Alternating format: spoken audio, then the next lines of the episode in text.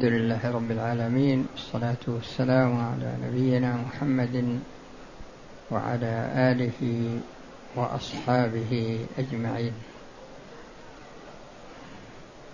أما بعد فقد ذكرت لكم فيما سبق أن أن هذه الليلة يكون التدريس فيها في أحكام القرآن وفي كتاب التقريب.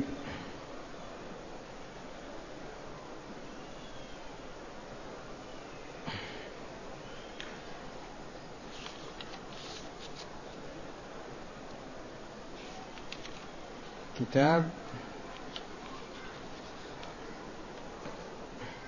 تقريب للعراقي وشرحه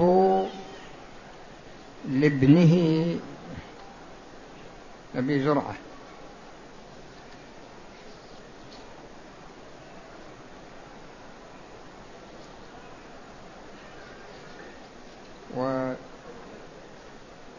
وسيكون التدريس بالنسبة لأحكام القرآن حسب الترتيب الموجود في القرآن على حسب ترتيب السور. ومما يحسن وجوده عند طالب العلم فيما يتعلق بأحكام القرآن أحكام القرآن للقرطبي وهذا من أوسع الكتب في أحكام القرآن وهو مالكي. وكذلك أحكام القرآن لابن العربي وهذا أيضا مالكي. وقد اعتنى بأحكام القرآن من جهة العقائد ومن جهة الفقه. وكتاب أحكام القرآن للجصاص وهذا حنفي. وهو أيضا من أوسع الكتب في بيان أحكام القرآن وليس بيانه لأحكام القرآن بيانا اجتهاديا وإنما يذكر الأحاديث ويذكر الآثار التي تبين معنى الآية ويذكر الخلاف في مذهب الحنفية وكذلك كتاب آه، الطحاوي. وهذا الكتاب ليس بكامل. يعني المطبوع منه الآن قليل.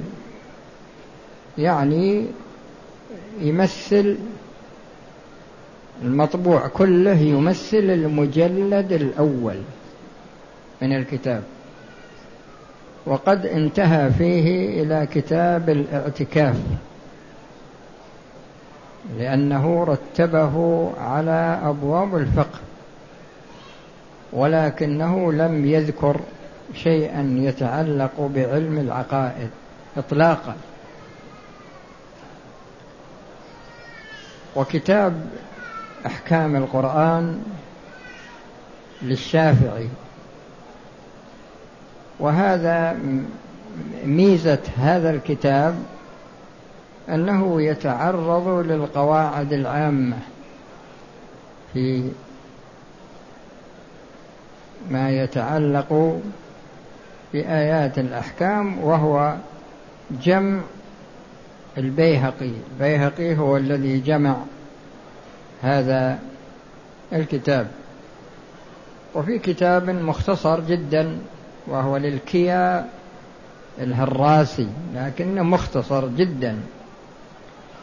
فغرضي أنا من هذا الكلام هو أنه يكون عند من يريد أن يعتني بمعرفة أحكام القرآن تكون هذه الكتب موجودة عنده.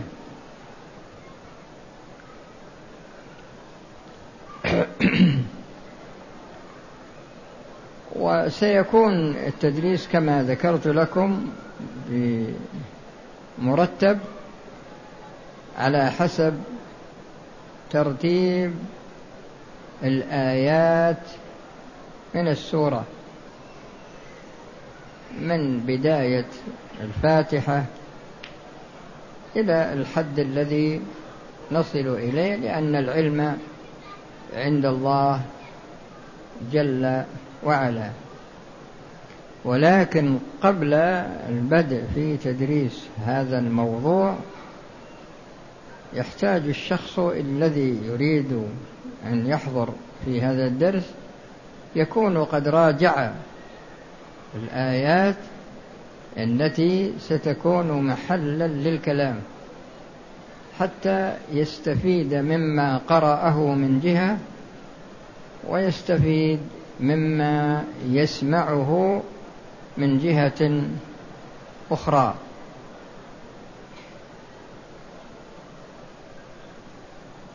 هذا بالنظر لأحكام القرآن. ومما يحسن التنبيه عليه أن هذه الأحكام ستكون مبينة بالسنة. لأنني كما ذكرت لكم في سبق فيما سبق أن القرآن يبينه يبين بعضه بعضا لكن فيه أيضا بيان السنة. فيه البيان من ناحية السنة يعني تفسير أو الآيات أو الأحاديث التي توضح معنى الآية وإذا كانت الآية فيها خلاف من ناحية الاستنباط فيمكن أن ينبه عليه ويبين ما هو السبب الذي جعلهم يختلفون فيه. لأن لأن المفسرين وبخاصة الذين يفسرون الأحكام يحصل بينهم خلاف ولهذا الخلاف أسباب ولهذا ألف في أسباب اختلاف المفسرين فمن أراد أن يطلع على أسباب اختلاف المفسرين فهو موجود في السوق موجود في مقدمة لشيخ الإسلام في أصول التفسير وهذه المقدمة ذكر فيها طرف وفيه رسالة دكتوراه خاصة في أسباب اختلاف المفسرين فوجودها عند طالب العلم هذا يعني ناحية مهمة جدا. وكذلك آيات الأحكام التي يكون لها أسباب نزول سيتعرض لأسباب النزول. وكذلك الآيات آيات الأحكام هي مورد النسخ. هي مورد النسخ وسيتعرض للآيات المنسوخة ويبين الآيات الناسخة لها وعلى هذا الأساس فيحسن اقتناء كتاب في أسباب في في أسباب النزول وكتاب آخر في الناسخ والمنسوخ. لأن معرفة أسباب نزول الآيات التي تشتمل على أحكام يساعد على فهم الآية. ومن أحسن الكتب في هذا كتاب جباب النقول في معرفة أسباب النزول وكتاب الناسخ والمنسوخ لابن النحاس. هذا من أحسن الكتب التي كتبت في الناسخ والمنسوخ. فإذا جمع طالب العلم ما يتعلق بالنسخ وبأسباب النزول وفيه سيتعرض أيضا الآية إذا كان فيها مشكل سيتعرض لبيان هذا الإشكال ويبين الجواب عنه ومن المناسب أن يكون عند طالب العلم كتاب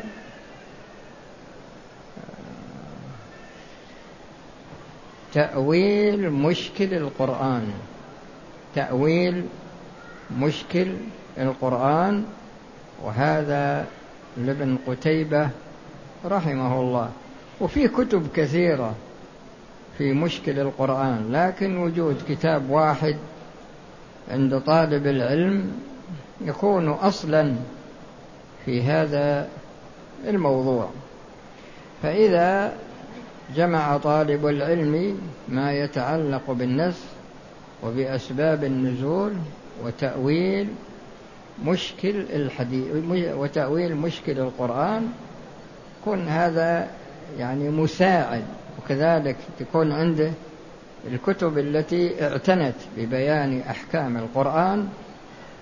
هذه كلها تساعد طالب العلم على الاشتراك في الدروس وفهم ما يعرض من كلام في أحكام القرآن وما يتعرض له من النسخ وأسباب النزول وتأويل المشكل إلى غير ذلك مما قد يقتضيه المقام.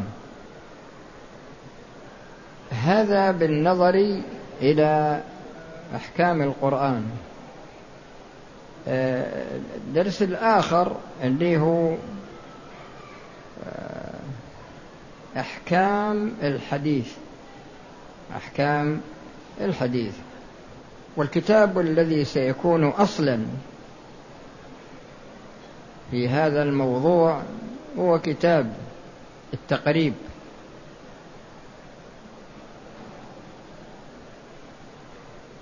للعراقي. وشرحه لابنه واسمه طرح التثريب. وأنا اخترت هذا الكتاب من أجل صحة أحاديثه ومن أجل حسن ترتيبه ومن أجل سعه شرحه. وأن هذا الشرح جرى على الربط بين الاستنباط من الحديث وبين القواعد وهذا سينبه عليه في محله لأن بعض شراح الحديث يكون الشرح مجرد نقل فقط لكن الاستنباط من الحديث على حسب القواعد هذا قليل في كتب شروح الحديث منها هذا الكتاب ومنها كتاب شرح عمدة الأحكام. شرح عمدة الأحكام لابن دقيق العيد. فقد سلك هذا المسلك من جهة أنه يستنبط من الأحاديث على حسب القواعد. يعني إذا استنبط من الحديث ربط المسألة التي يستنبطها بقاعدتها سواء كانت القاعدة لغوية أو القاعدة أصولية أو القاعدة فقهية. وهذا المنهج يعطي طالب العلم طريقا لسلامة الاستنباط لأن بعض الناس يستنبط استنباطا عشوائيا. مجرد ما يخطر في باله يقول إن الحديث يدل عليه. لكن عندما تربط بين استنباطه وبين دلالة الحديث لا تجد علاقة بين المسألة التي استنبطت وبين ما يدل عليه الحديث.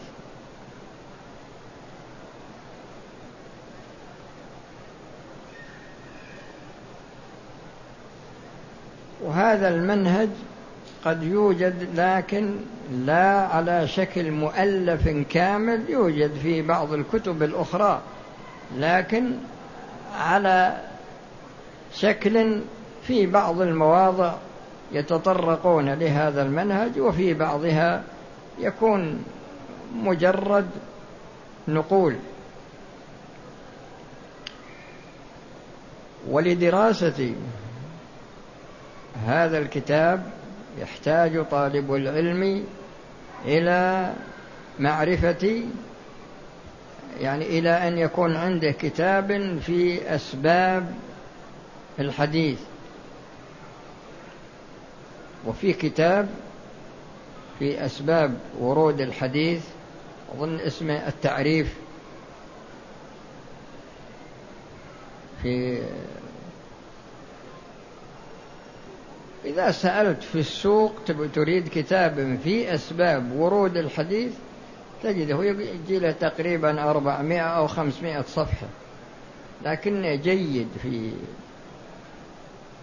ويحتاج أيضا إلى أن يكون عنده في كتاب في الناسخ والمنسوخ.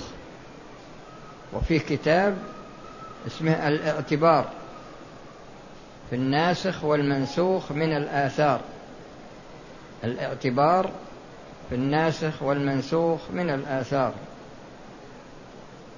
ويحتاج أيضا إلى أن يكون عنده كتاب في مشكل الحديث لأن بعض الأحاديث يكون فيها مشكل.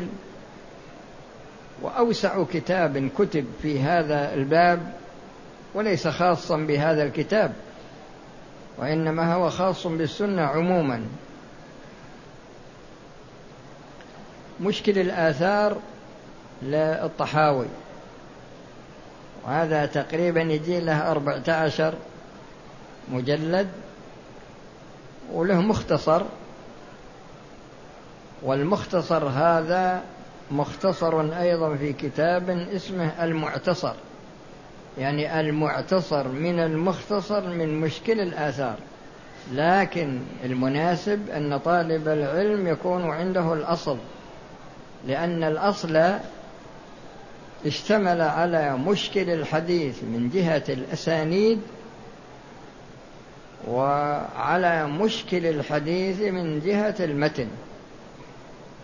فقد اعتنى رحمه الله في عرض الإشكال من ناحية الحديث من ناحية الأسانيد وكذلك عرض الإشكال من ناحية المتون وأجاب عنها. يعني ما هو بيعرض الإشكال فقط ويسكت لا. يعرض الإشكال ويجيب عنه.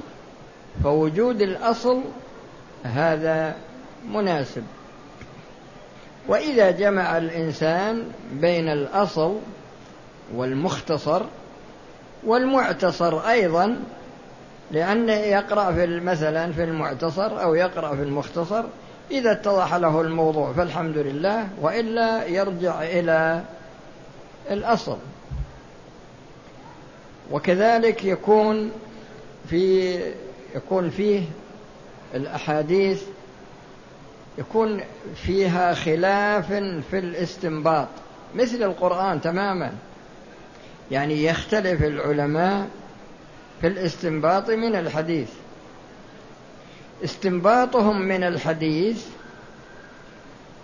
يرجع إلى اختلافهم في القواعد.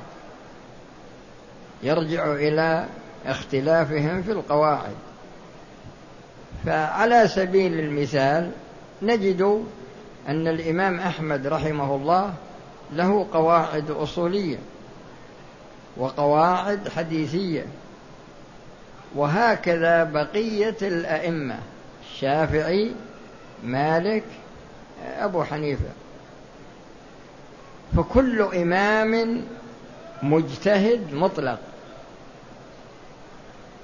يضع يعني يقعد القواعد لنفسه ويستنبط من القرآن ويستنبط من السنة على حسب قواعده. وعندما ننظر إلى استنباط الأئمة من آية واحدة مثلا نجد أنهم يختلفون في الاستنباط. اختلافهم في الاستنباط مبني على اختلافهم في التقعيد. مبني على اختلافهم في التقعيد. وبناء على ذلك فطالب العلم في أمس الحاجة إلى معرفة أسباب اختلاف المحدثين. أسباب ويوجد كتاب رسالة دكتوراه في بالي. ويوجد أيضا كتاب لشيخ الإسلام يعتبر آه، نموذج في هذا الباب اسمه رفع الملام عن الأئمة الأعلام. هذا يكون مدخل لمعرفة أسباب اختلاف المحدثين وفيه رسالة دكتوراه أظنها مجلدان. من أحسن الكتب في معرفة أسباب ورود الحديث. في في معرفة أسباب اختلاف المحدثين. لأن طالب العلم الذي يريد أن يدخل هذا المدخل لا بد أن تكون عنده هذه الأمور. إذا تعرض لسبب ولا سبق أن قرأ تعرض لنسخ تعرض مثلا لسبب ورود الحديث تعرض مثلا لإشكال موجه إلى الحديث يكون طالب العلم الذي يحضر مثلا هنا يكون يكون عنده يكون قد حضر أو قرأ هذه الأشياء المتعلقة بهذا الحديث الذي سيكون هو محل محل الكلام. هذه أمور أحببت أن أنبه عليها قبل البدء في تدريس هذين الموضوعين.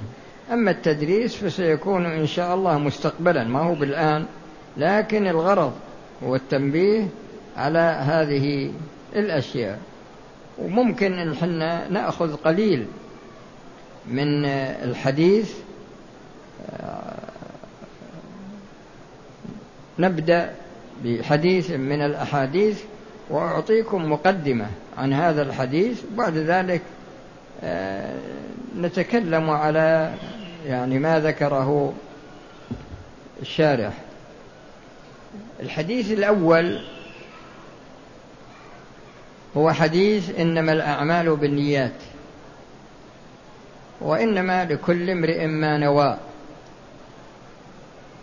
فمن كانت هجرته إلى الله ورسوله فهجرته إلى الله ورسوله ومن كانت هجرته لدنيا يصيبها أو امرأة يتزوجها فهجرته إلى ما هاجر إليه. جرت العادة في تدريس الحديث التطرق إلى الرجال والتطرق إلى الأسانيد. الأسانيد من جهة عوارض السند من جهة عوارض السند وكذلك من جهة الرجال. لكن صاحب هذا الكتاب غفر الله لنا وله كفانا هذه المؤونة. فاختار أحاديث ليست موضعا للنظر. ليست موضعا للنظر. وعلى هذا الأساس فيكون سيكون الكلام على ما يتعلق بفقه السند بفقه المتن. على ما يتعلق بفقه المتن. هذا الحديث أحب أن أنبهكم على قاعدة وهذه القاعدة من أهم الأمور لطالب العلم. هذه القاعدة هي أن هذا الحديث ورد بهذا اللفظ. ننظر ما دل عليه هذا الحديث من النية. هل وردت دلالة النية؟ هل وردت النية في غير هذا الدليل أم لا؟ في قاعدة من القواعد يسلكها طالب العلم في القرآن ويسلكها طالب العلم في السنة وهي قاعدة الاستقراء قاعدة الاستقراء. وقاعدة الاستقراء هي أنك تتتبع المسألة أو الحديث الذي لديك. تتتبع موارده من القرآن وموارده من السنة. هل ورد في معناه دليل من القرآن أو دليل من السنة؟ إذا نظرنا إلى هذا الحديث وجدنا أن جميع الإرادة التي وردت في القرآن ومضافة إلى المخلوقين لأن الإرادة من الله ما لنا دخل فيها لكن لأنها صفة من صفاته والله سبحانه وتعالى ليس كمثله شيء. لكن الإرادة التي تكون من الخلق. مثل من كان يريد العاجلة عجلنا له فيها ما نشاء لمن نريد. من كان يريد العاجلة يعني يكون هدفه وقصده الدنيا فقط. هذا شق الشق الثاني ومن أراد الآخرة. ومن أراد الآخرة وسعى لها سعيها. وهو مؤمن يعني ثلاثة أمور. الإرادة القصد يعني النية. والعمل الصالح.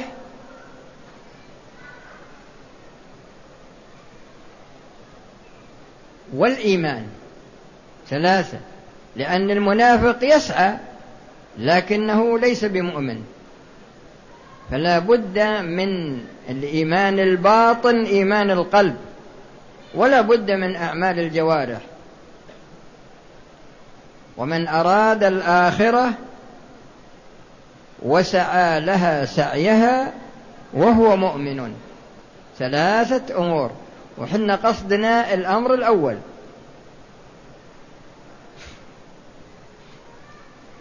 وقوله جل وعلا في شأن الحرام ومن يرد فيه بإلحاد بظلم نذقه من عذاب أليم. يعني مجرد القصد. يعني أراد أذى في الحرم ما طبق لكن قصد. قصد قصدا جازما تماما. فهذه تبع إنما الأعمال بالنيات. إنما الأعمال بالنيات. وكثير في القرآن. المهم إرادة صادرة من البشر. إرادة يعني جميع ما ورد في القرآن من إرادة مضافة إلى الناس تكون راجعة يعني تكون أصلا. وكذلك جميع الأحاديث التي جاءت فيها الإرادة بالنسبة للناس. هذه تكون أصلا يسمونها الاستقراء. هذا الاستقراء كون قاعدة عامة في الشريعة وهي الأمور بمقاصدها. الأمور بمقاصدها. إذا نظرت إلى هذه القاعدة ما تجد فرعا من فروع الشريعة ولا تجد أصلا من أصولها إلا وهو راجع إلى هذه القاعدة. ولهذا نجد أن المنافقين يصلون ويصومون ويحجون ويعتمرون لكن بدون نية. لكن بدون نية صادقة. ولهذا يقول الله في حقهم إن المنافقين في الدرك الأسفل من النار. إن المنافقين في الدرك الأسفل من النار. فما نفعتهم صلاتهم ولا صيامهم لأنهم كفار في قلوبهم.